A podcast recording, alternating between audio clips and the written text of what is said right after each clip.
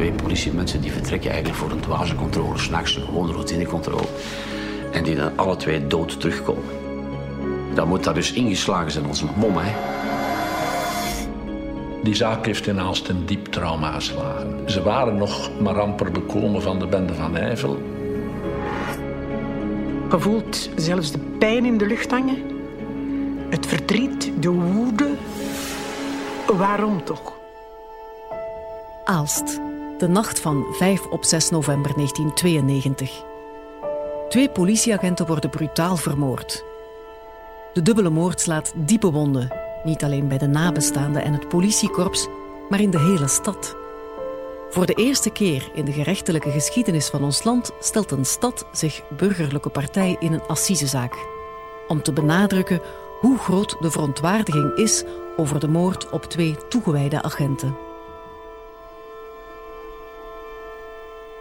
Je luistert naar De Kroongetuigen, een podcast over moord in Vlaanderen. Dit is aflevering 7, De Flikkendoder.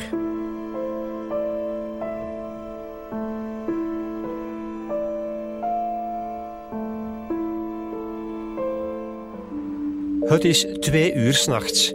In Aalst hebben de drie patrouilles van het politiekorps een rustige nachtdienst. Het was de gewoonte dat tijdens die diensten twee patrouilles uh, surveillance toezicht deden en een patrouille reserve bleven op het commissariaat voor het beantwoorden van oproepen naar interventie. De patrouilles wisselen elkaar af. Om twee uur s'nachts gaat de reserveploeg op pad en mag een andere ploeg de binnendienst overnemen. Agenten Lux Schamp en Patrick Langman zijn stipt op tijd voor de wissel. Luc en Patrick kwamen om twee uur binnen van hun patrouille... om te worden vervangen door de reserveploeg. Dus ze overhandigden hen de kogelvrije vesten en de mitrailleuses. En net op dat moment kwam een stil alarm binnen vanuit de Korruitgebouwen. Hoofdinspecteur Gilbert Amant is die nacht de leidinggevende officier. Dit was het derde alarm van zijn shift. Er waren twee andere alarmen geweest in het centrum. En die waren negatief ge uh, geweest. Maar het kan ook anders zijn. Als er een inbraakalarm is, moet men daar naartoe gaan met de nodige voorzichtigheid en met het idee... het zou wel eens kunnen ernstig zijn. Bij een stil alarm komt alleen een signaal binnen bij de centrale. Eventuele inbrekers merken er niets van. Agenten Luc en Patrick komen net terug van een rustige patrouille, maar willen graag deze oproep nog even afhandelen. Hun collega's maken zich intussen klaar om hen later te komen helpen. Luc en Patrick hebben hun kogelvrije vesten alvast achtergelaten voor de collega's. Ze hebben die kogelvrije vest niet aangedaan, omdat ze was juist uit en ze was bestemd voor de collega's. Ja, die collega's hadden die genomen, hetgeen dat normaal is. Die collega's vertrekken even later met de kogelvrije vesten aan naar Luc en Patrick op de parking van de Colruyt. Het ogenblik dat ze aan die achterzijde komen, zien ze de combi eh, stilstaan met de dimlichten aan. En op een aantal meter daarachter vertrekt een grijs voertuig tegen hoge snelheid. De tweede patrouille, die de snelste wagen heeft, zet onmiddellijk de achtervolging in.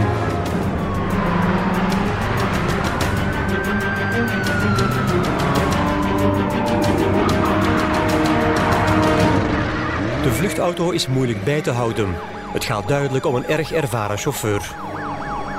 Terwijl hij wegvluchtte, doofde hij regelmatig de lichten, nam hij de bochten zonder remmen. Wat natuurlijk de achtervolging zeer moeilijk en zeer gevaarlijk maakte. Zowel voor de politiemensen zelf, maar ook voor eventueel andere weggebruikers die zouden komen opdagen. De politiepatrouille rijdt met een snelle Volvo en haalt de vluchtauto in. Waardoor dat ze de nummerplaat BRT 090 konden noteren en doorgeven voor controle bij de dienstinschrijving voertuigen. En dan zijn ze ook naast het voertuig kunnen gaan rijden. Waardoor dat ze zagen dat er eigenlijk maar één persoon in het voertuig zat. De wagen wordt nationaal geseind en de politie stuurt versterking.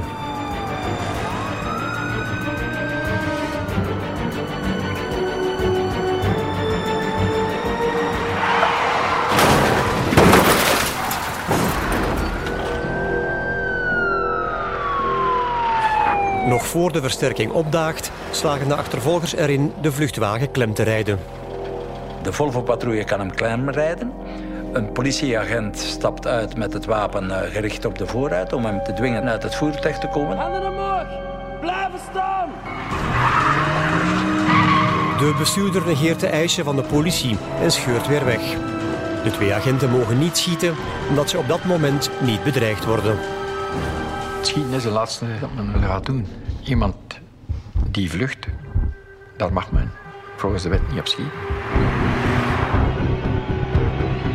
De bestuurder rijdt met de vluchtauto richting Brussel. Enkele kilometers verder heeft een politiepatrouille in een anonieme wagen een wegblokkade opgezet. Maar in plaats van halt te houden, gaat hij een plank gas geven en rijdt door richting van de politieman.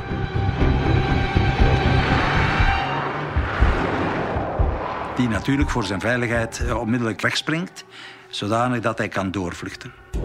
Voor de tweede keer negeert de bestuurder een bevel van de politie. Hij neemt erg veel risico's en kan de achtervolgende Volvo van de politie van zich afschudden. Op een gegeven moment rijdt hij nog een wegversperring aan, rijdt door die werken, waardoor dat de Volvo met een te laag chassis moet stoppen. Hier moet de politie hem laten gaan.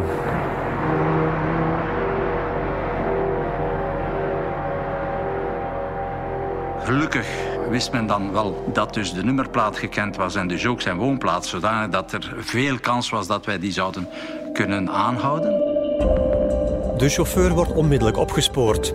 Het gaat om een zekere Guy Osten. Hij rijdt meteen een politiepatrouille naar zijn woonplaats in Assen. Op het politiecommissariaat is er intussen nog geen nieuws van de agenten Luxchamp en Patrick Langman. De patrouille met de Volvo keert dan ook onmiddellijk terug naar de parking van de Colruyt, waar de combi van hun collega staat. Vreemd genoeg is er sinds de achtervolging geen enkel contact meer geweest met de combi. Ook niet via de draagbare radio's van de agenten Luc en Patrick.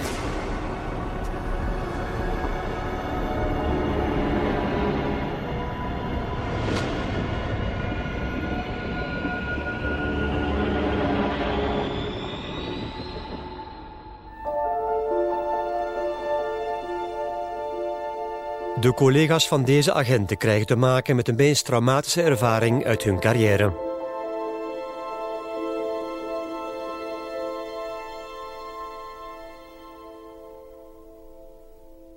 Op het parkeerterrein vinden ze de levenloze lichamen van hun collega's Patrick Langman en Luc Schamp.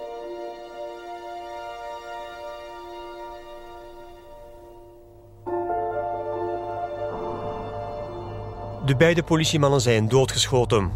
Ook hoofdinspecteur Gilbert Amand komt even later ter plaatse en ziet zijn doodgeschoten collega's liggen. Hij is een onkel van agent Luc Schamp. Ik ben onmiddellijk naar de Colruyt gereden. Ja, het was daar natuurlijk uh, volledig donker. Op de lichten van een auto na. Voor de combi lag Patrick.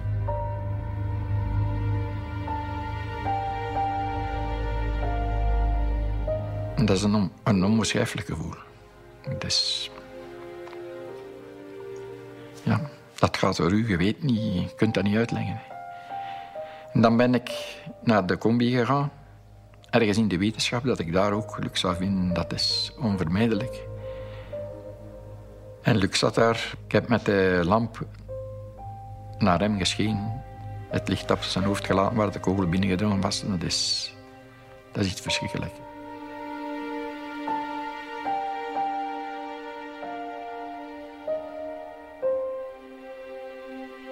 Dus. Ja. Patrick Langman kreeg drie kogels in de rug. Luc Schamp kreeg één kogel in het hoofd.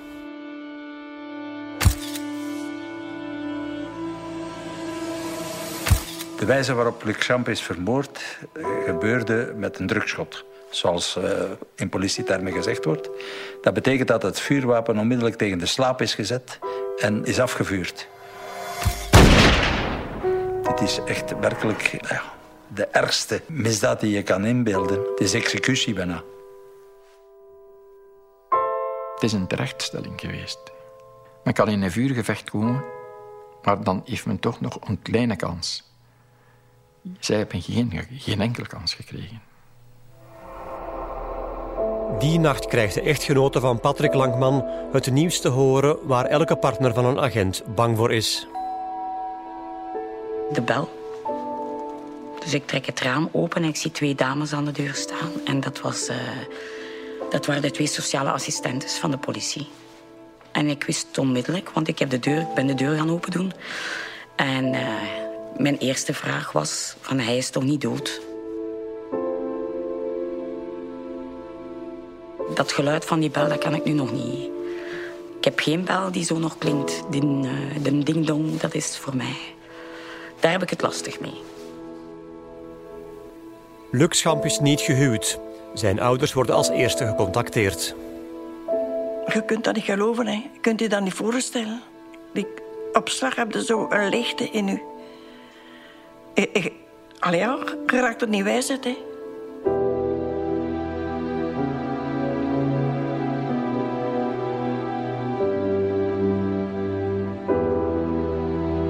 Het nieuws over de twee vermoorde agenten zorgt voor een schokgolf doorheen de hele stad. Toenmalig burgemeester Annie de Macht gaat die nacht meteen ter plaatse. Mijn korps was geraakt. Mijn mannen waren geraakt.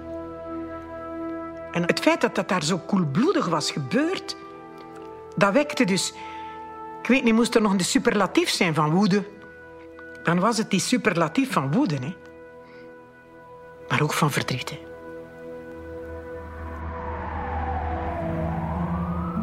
De politie wordt nogal veel geassocieerd met uitreiken van boetes en zo. En ja, inderdaad, dat is zo.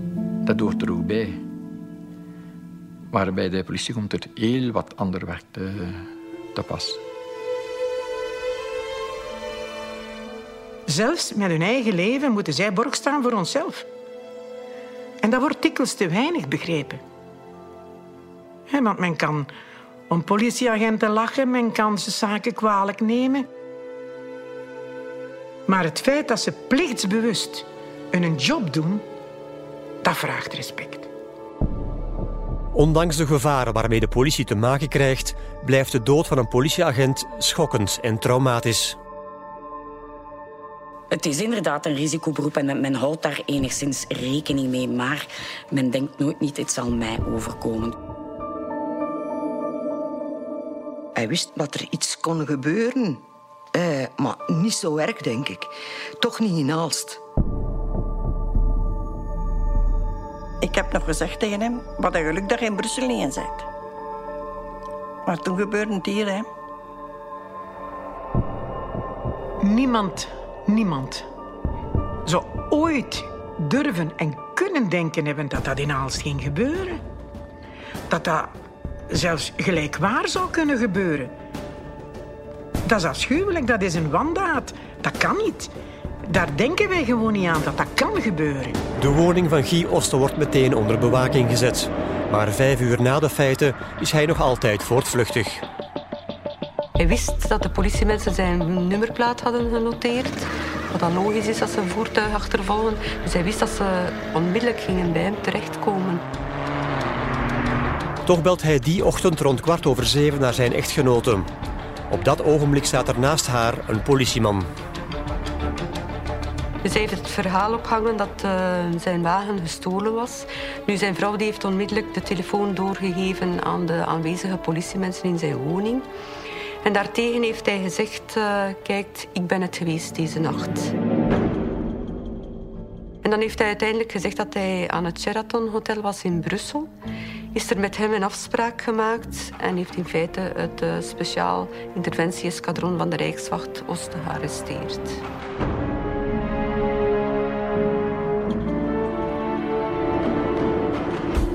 Guy Osten wordt nog dezelfde dag voorgeleid bij de onderzoeksrechter. Niemand had verwacht dat de zaak zo snel zou opgelost zijn. Het verandert niets aan de feit als de dader gevat wordt of niet. Maar toch geeft ergens een, een beter gevoel. Na zijn aanhouding wordt Guy Osten verhoord door een team van de gerechtelijke politie. Wij reconstrueren het letterlijke verhoor. Naam? Guy Osten. Waar en wanneer bent u geboren? 2 januari 1952 in Aalst. Getrouwd? Ja, In 1973. Twee kinderen. Ze zijn nu 16 en 19 jaar. Bent u bereid om de waarheid te vertellen? Je zult me niet op leugens kunnen betrappen. Guy Osten heeft een paar uur eerder alle feiten al aan de telefoon bekend. Het verhoor zou niet meer dan een formaliteit zijn. Hij heeft heel beredeneerd en in details alles beschreven wat in feite niks te maken had met de feiten. En op het moment dat wij aan de feiten komen, heeft hij gezegd: voilà, kijk, ik heb daar totaal niks mee te maken. Dat kan niet. Je hebt nogthans deze ochtend de feiten bekend aan de telefoon. Hij heeft gezegd dat hij dat nooit gezegd had dat hij het geweest was die nacht. Hij heeft gezegd dat hij zeker die politiemensen niet had neergeschoten. Hij zei dat hij niet aan de kolruit was geweest. Nochtans heeft de politie hem tijdens de achtervolging duidelijk herkend. Dat blijkt ook tijdens de confrontatie. Elke betrokken agent herkent Guy Osta als de bestuurder van de grijze polo. De politiemensen hebben duidelijk gezien dat hij het was, hebben hem duidelijk kunnen beschrijven. In feite met alle bewijzen die wij hadden en de ooggetuigen van de politiemensen die hem in de line-up onmiddellijk herkend hadden, eh, is hij werkelijk een van de weinigen die, die zo moeilijk te verhoren was en die zo moeilijk te overhalen was tot bekentenissen. Waart jij deze nacht omstreeks twee uur de bestuurder van de Volkswagen Polo met nummerplaat BRT 090?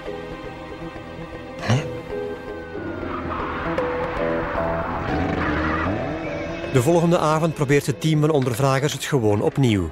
Dezelfde vragen over dezelfde feiten. Wat hebt u gedaan donderdagavond 5 november? Ik ben met mijn vrouw gaan eten in een Chinees restaurant in Assen. We hebben daar een voorgerecht en een hoofdgerecht gegeten. Daarna zijn we direct naar huis gegaan. We zijn gaan slapen. Maar na een uur was ik terug wakker. Ik ben dan naar Brussel gereden. Maar waar ergens? In de buurt van het Zuidstation. Ik heb daar twee of drie cafés bezocht. Hoe noemen die cafés? Dat weet ik niet. Allee, kom. Echt niet? Ik heb daar niet op gelet. En uw auto? Die heb ik geparkeerd in de buurt van het Broekherenplein. Ik heb daar nog staan kijken. Aan de talage van een piepshow. Zijn er mensen die u gezien hebben? Dat moet wel. Kunnen die mensen dat getuigen? Ik weet niet wie dat die mensen waren. Dus je bent niemand tegengekomen die u kende? Nee. Je bent nogthans door vijf agenten van de politie van Aalst erkend. Alle vijf hebben ze u aangewezen als chauffeur van een Volkswagen Polo die ze een half uur achtervolgd hebben. Dat kan niet.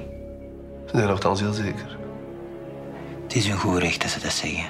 Ik zeg u dat dat niet kan. Voor de tweede avond op rij krijgen de speurders geen bekentenis. Dat maakt het nog kwader. Dat ze dan op dat ogenblik alleen aan hun eigen haagje denken en niet aan de miserie dat ze veroorzaakt hebben. Hij wist van niks, had er niks mee te maken. Zo heel typische houding van de vijand van het systeem. Ja, als je politiemensen dood doet, dan wil dat wel zeggen dat je van het systeem niet houdt en ook van politie niet. Maar in het kader van het gerechtelijk onderzoek word je wel door politiemensen ondervraagd. Dus het lijkt mij de logica dat met die mentaliteit, die ingesteldheid, die man ook zegt: voert, trek uw plan, zoek het zelf uit, ik werk niet mee. De advocaat van de dader is meester Vic van Aalst. Het gedrag van zijn cliënt maakt de zaak niet makkelijker.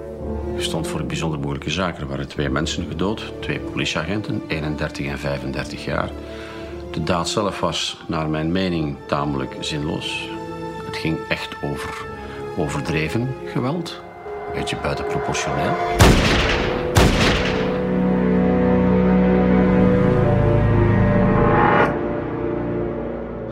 Denk wel dat hij ook heeft ingezien, heel kort na de feiten, wat hij had gedaan. En hoe erg dat het was wat hij had gedaan. En dan gaat hij weer te spartelen, misschien zoals een duivel in de valt, om er toch nog het beste van te maken. En dan gaat men dikwijls als beklaagde verkeerde beslissingen nemen. En een verdedigingstechniek claimen die niet goed is. Weet je, ik voel me eigenlijk veel beter in het gevangen dan thuis. Waar ja? Ja, voor mij is het de eerste keer dat ik daar vast zit. De paar nachten die ik daar nu heb doorgebracht, besef ik dat het leven daar heel goed kan zijn. Guy Oster blijft ontkennen en speelt een spel met de ondervragers. Tijdens die verhoren gedroeg hij zich in feite op twee manieren. Enerzijds heel cool, heel beredeneerd en heel arrogant. En dan waren er dagen dat hij erop wou aansturen dat hij gek was. En hij met de bedoeling misschien dat hij een internering zou krijgen, zodanig dat als hij terug normaal was, vlugvrij zou zijn. Heb jij Luc Schamp doodgeschoten?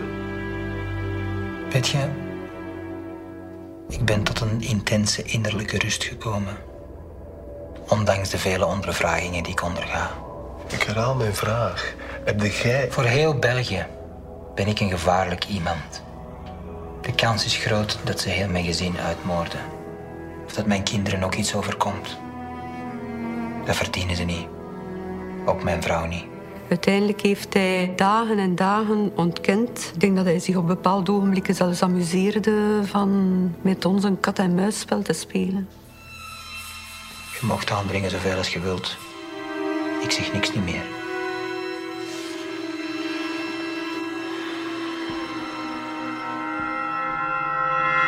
Vijf dagen later worden agenten Luc Schamp en Patrick Langman begraven. Heel de stad Aalst trouwt mee. Ze lagen daar opgebaard in het stadhuis. Die koer van het stadhuis dat lag vol met bloemen. Ongelooflijk veel bloemen.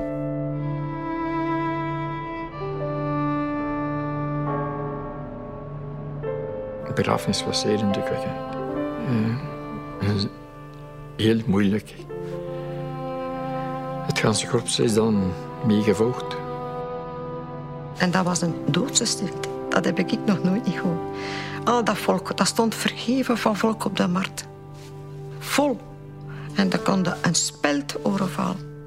Zo stil.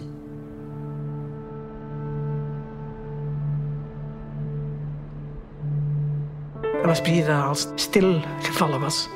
Ja. En dat was ook in de binnenstad zo stil. Ja? De plechtigheid groeit uit tot een indrukwekkend eerbetoon. Helpen kunnen ze niet, hè. Maar ja, het is toch goed. Ja. Aals neemt afscheid van twee agenten die met hart en ziel hun job deden.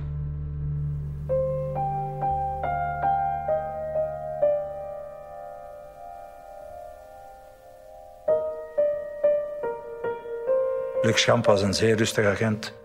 Een uh, zeer collegiaal, gedreven, gemotiveerd uh, iemand. Hij kon niet rap genoeg dat uniform hebben. Want in het begin ging hij dus uh, als gewoon een brug gekleed met een band. En ja, dat moest zo snel mogelijk het uniform worden. De eerste keer dat hij zijn uniform aan had, dat was hij bij mij gekomen. Ah, wel, Martin zegt, wat denkt ervan? Ik zeg, ah, tof. Heel tof, zeg, je staat er heel schoon mee. Ik zeg, en, uh, en wat doet dat nu? Ja, nu ben ik bij de bende, hè. Nu ben ik bij de agenten, hè. Ja, hij was heel trots. Patrick was niet alleen een uitstekende agent, maar ook een liefhebbende vader. We hadden een zoontje van 3,5, Kevin. Ik was op dat moment uh, zeven maanden zwanger van onze Nick.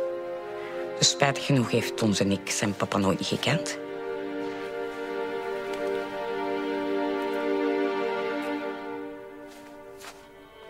Tijdens de begrafenis wordt Guy Oster voor de achtste dag op rij ondervraagd. Ik voel me veel beter in het gevangen dan thuis. Onze bureelen waren niet ver van de kerk gelegen. Uh, hoorden wij minutenlang de, de klokken luiden. En wij vroegen hem, doet u dan nu niks? Dat uiteindelijk nu twee mensen begraven worden die nog zoveel kansen moesten hebben in het leven. En hij lachte, hij grijnslachte, hij zat met ons te lachen. Zijn advocaat Vic van Aalst grijpt op dat ogenblik in. Je bent eerste rechter in de zaak en je probeert er het beste van te maken. Als je ziet dat de cliënt dingen doet die niet verstandig zijn en die tegen hem achteraf gaan uitgespeeld worden, dan moet je hem daarvoor waarschuwen. Wij hebben er dan moeten voor zorgen dat hij zachtjes tot inzicht kwam en dan ook al toch na een tiental dagen de zaak eigenlijk is gaan zeggen zoals ze was. Drie dagen later gaat Oost dan toch over tot een volledige bekentenis. Ja. Ik heb die twee politiemannen doodgeschoten in Aalst. En waarom bekennen daar nu pas?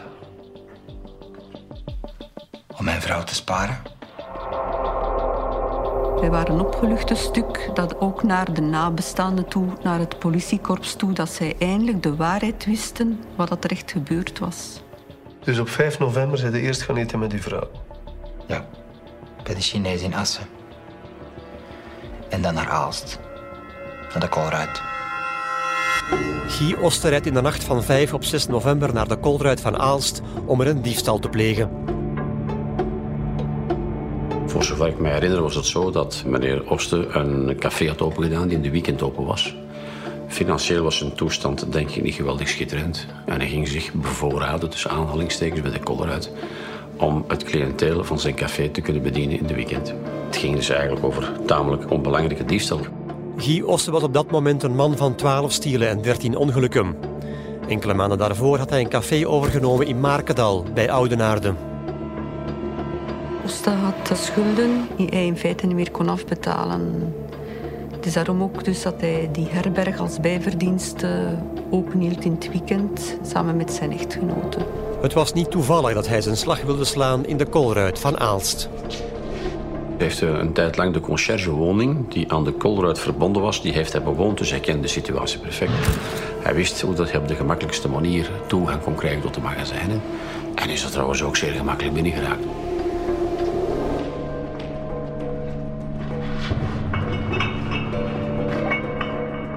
Wat hij niet weet is dat het magazijn intussen beveiligd is met een stil alarm. Tijdens de verdere ondervraging vertelt Guy Oste in detail hoe hij de moorden pleegde. Wat begon als een kleinschalige inbraak eindigde met een dubbele moord op twee agenten. Dat was datgene wat mij zo frappeerde. Waarom was zijn reactie bij het verschijnen van die politie zo hevig, terwijl dat het misdrijf dat hij gepleegd had eigenlijk relatief onbelangrijk was? Dat was ook een van de dingen die in mijn hoofd speelden. Waarom doen mensen zoiets? De buit bedroeg een honderddertigtal flessen wijn, een vijftigtal blikken cola en een twintigtal blikken koffie. Belachelijk. In verhouding met het geweld dat hij en de zinloze dood van die twee mensen heeft aangericht natuurlijk. Hè. Guy Oste weet niet dat er een stil alarm is geïnstalleerd in de kolruit en pleegt op zijn gemak de diefstal. Hij is er een tijdje mee zoet.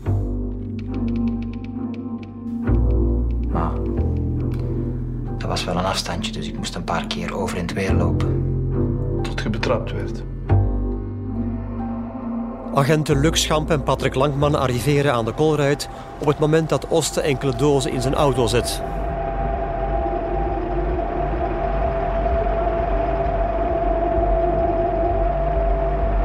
Wat je er aan doen, meneer? Wat is uw naam? Als ze vijf seconden later waren geweest, dan was ik al lang weg geweest. Toch heb u wapen getrokken? Dat had ik altijd bij me. Dat zat in het handschoenkastje in mijn auto. En voor de inbraak had ik het in mijn rechter achterzak gestoken.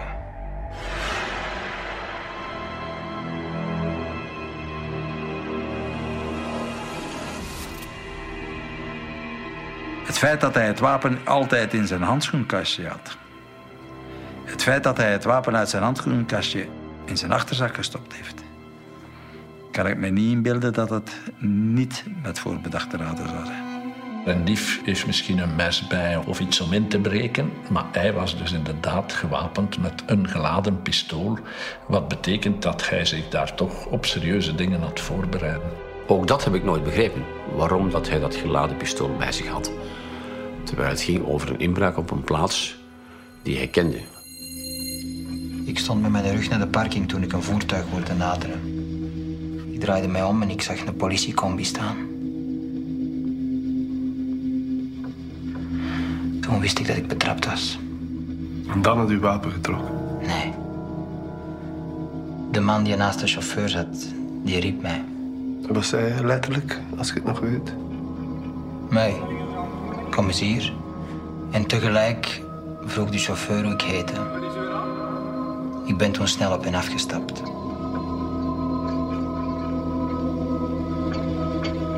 Waar waren uw handen op dat moment? Naast mijn lichaam.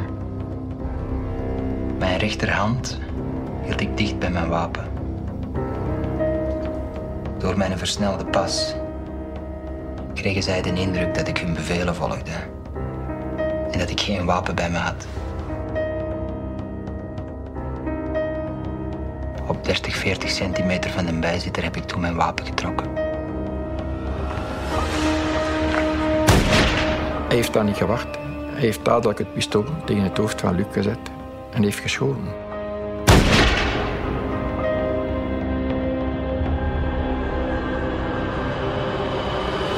Hij heeft dus geen enkele kans gegeven. Ik weet zelfs niet of dat hij het vanaf beseft heeft, mijn broer. Ik denk het niet. Zo vlug moet gaan zijn. Patrick, die achter het stuur zat, ja, die ziet wat er gebeurt. En die heeft zich omgedraaid in een poging uit het voertuig te geraken. En die dader heeft niet gewacht, heeft direct Patrick in de rug geschoten. De politiemannen worden gedood, nog voor ze goed en wel beseffen wat er gebeurt.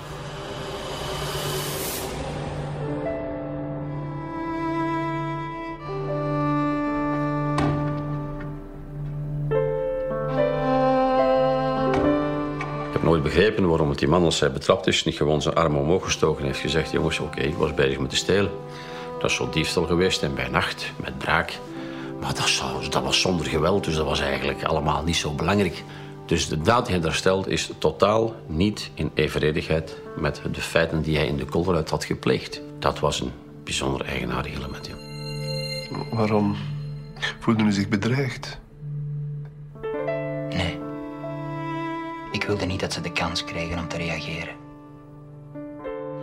Welke bedoeling? Ik wilde niet gearresteerd worden.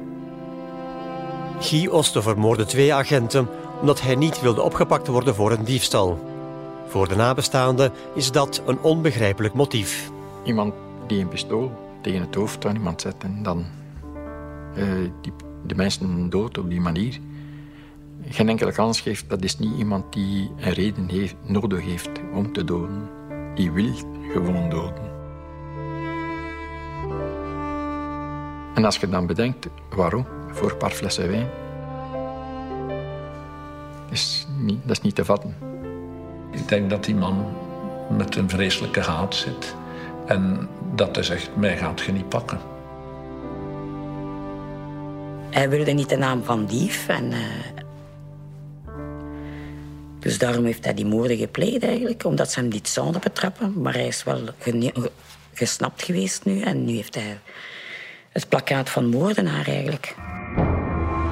De reconstructie van de feiten gebeurt in aanwezigheid van een groot deel van het politiekorps van Aalst. De agenten moeten zorgen voor de veiligheid, maar ze beschouwen zich ook als nabestaanden.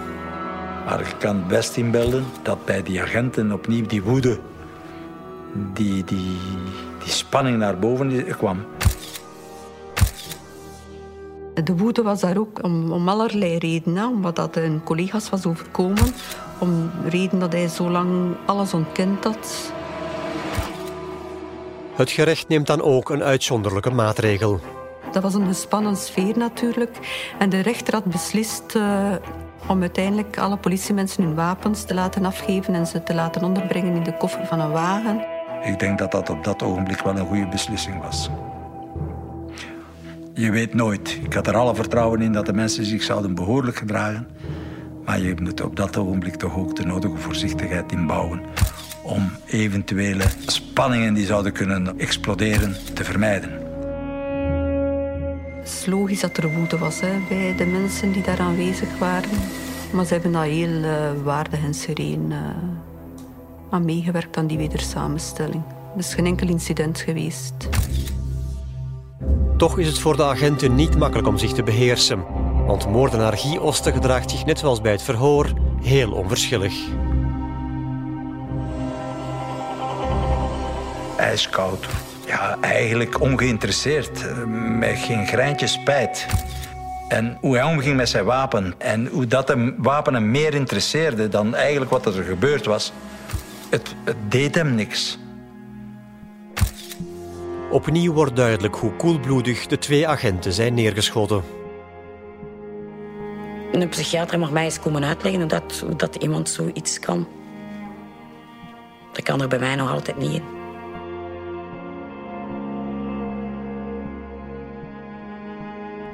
Is zo dat geweld tegen politieagenten natuurlijk steeds wordt ervaren als erger dan, dan geweld tegen andere burgers. Dat is duidelijk. Waarom? Omdat mensen wel beseffen dat politiemensen er zijn om ons voor een stuk te beschermen natuurlijk.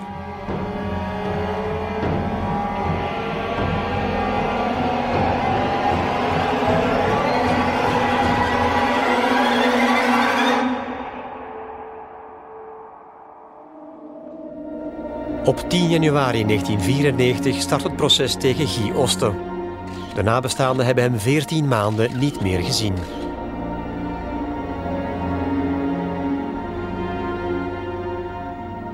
Mijn eerste gedachte was van... Dit kan niet. Hoe hij eruit zag. Bij ons zeggen ze, je zou hem de absolutie gegeven hebben zonder biechten. Totdat hij spreekt. En dan uh, weet je hoe ongevoelig, hoe egocentrisch dat die persoon is. Voor het eerst in de Belgische geschiedenis stelt een stad zich burgerlijke partij in een assisezaak. Samen met de familie in het politiekorps van Aalst. Jeff Vermassen is hun advocaat. Ik heb vergaderingen met die mensen meegemaakt na de feiten in het politiebureau om hen uitleg te geven, om hem te zeggen hoe we de zaak zouden aanpakken. Het trauma stond op de gezichten te lezen. Om dergelijke stoere mannen te zien wenen als kinderen. Die waren aangedaan. Er was één hoop ellende. Die mensen waren door en door kapot. Op het assiseproces lopen de emoties opnieuw hoog op door de getuigenissen van de collega-agenten. Daarin veel verdriet in de zaal, maar ook heel veel boosheid. En dat is het recht van nabestaanden en van betrokkenen, hier in dit geval het korps. Ze hebben recht om boos te zijn, omdat ze zeggen: wij doen zo onze job voor de samenleving en dan worden we op zo'n gruwelijke manier vermoord.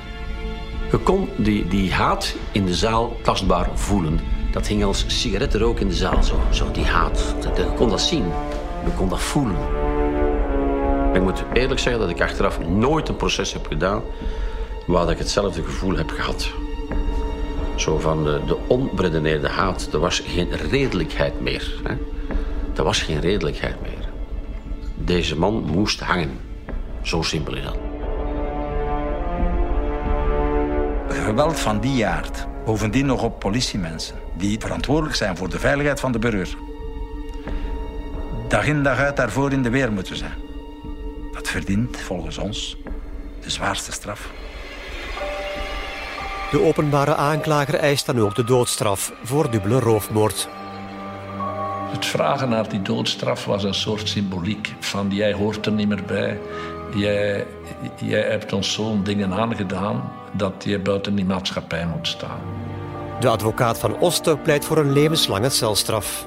Ik had niet veel mogelijkheden om te pleiten natuurlijk. Je kunt dus een zaak moeilijk zeggen, heeft iemand tien jaar of zo. Ik ben voldoende realistisch geweest om te pleiten voor levenslang. Ik zeg, kijk, ik ben principieel tegen de doodstraf.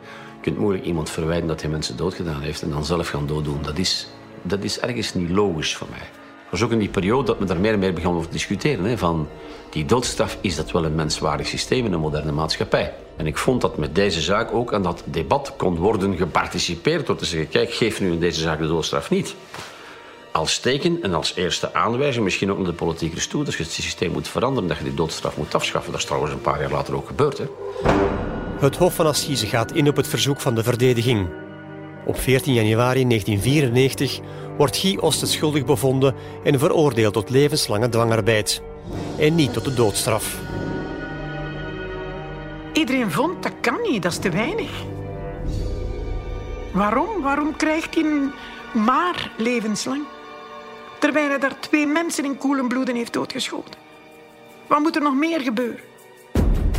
De nabestaanden zijn allesbehalve tevreden met de beslissing van het Hof. De politie van Aalst is woedend en legt spontaan het werk neer. Burgemeester Annie de Macht probeert te bemiddelen. Je moet je gedragen. Waardig. Laten we dat stil doen. Het zal veel meer indruk maken. Het heeft inderdaad indruk gemaakt. De staking wordt opgeheven, maar drie dagen later houden het hele korps en de inwoners van Aalst een stille optocht.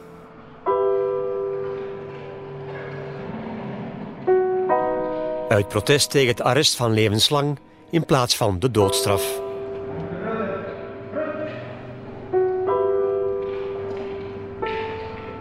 Mensen die er zijn om mensen te beschermen, hebben uiteindelijk zelf ook recht op bescherming.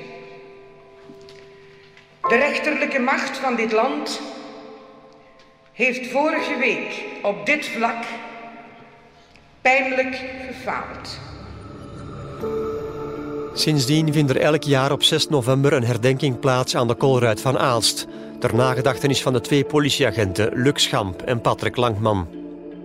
Een vaste afspraak voor het politiekorps van Aalst en alle nabestaanden. Men maakt de mensen wel bewust dat het een risicoberoep is. En ik hoop dat, ja, dat het mensen doet nadenken van... ja, kijk, eh, pff, we zeggen wel altijd van ze zijn er nooit niet als we ze nodig hebben, maar... Ja, op bepaalde momenten zijn ze er toch wel. Dat wordt in eer gehouden. Nou, dat is wel fijn. Ze worden toch niet vergeten.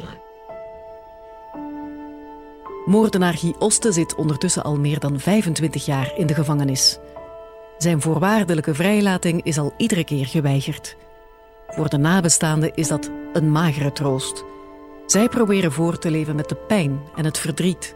En met de wetenschap dat Oste op een dag weer vrij zal rondlopen.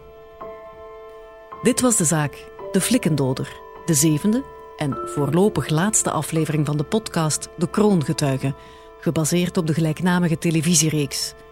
Montage en mixage was opnieuw in handen van Niels de Vos. Dank aan Emé van Meensel voor de juridische ondersteuning en Maite Goossens voor de redactionele hulp. Duiding gebeurde door journalist Jeroen Wils en mezelf, Birgit van Mol. Onze grootste dank en ons medeleven gaat uit naar alle nabestaanden die aan bod kwamen in deze podcast.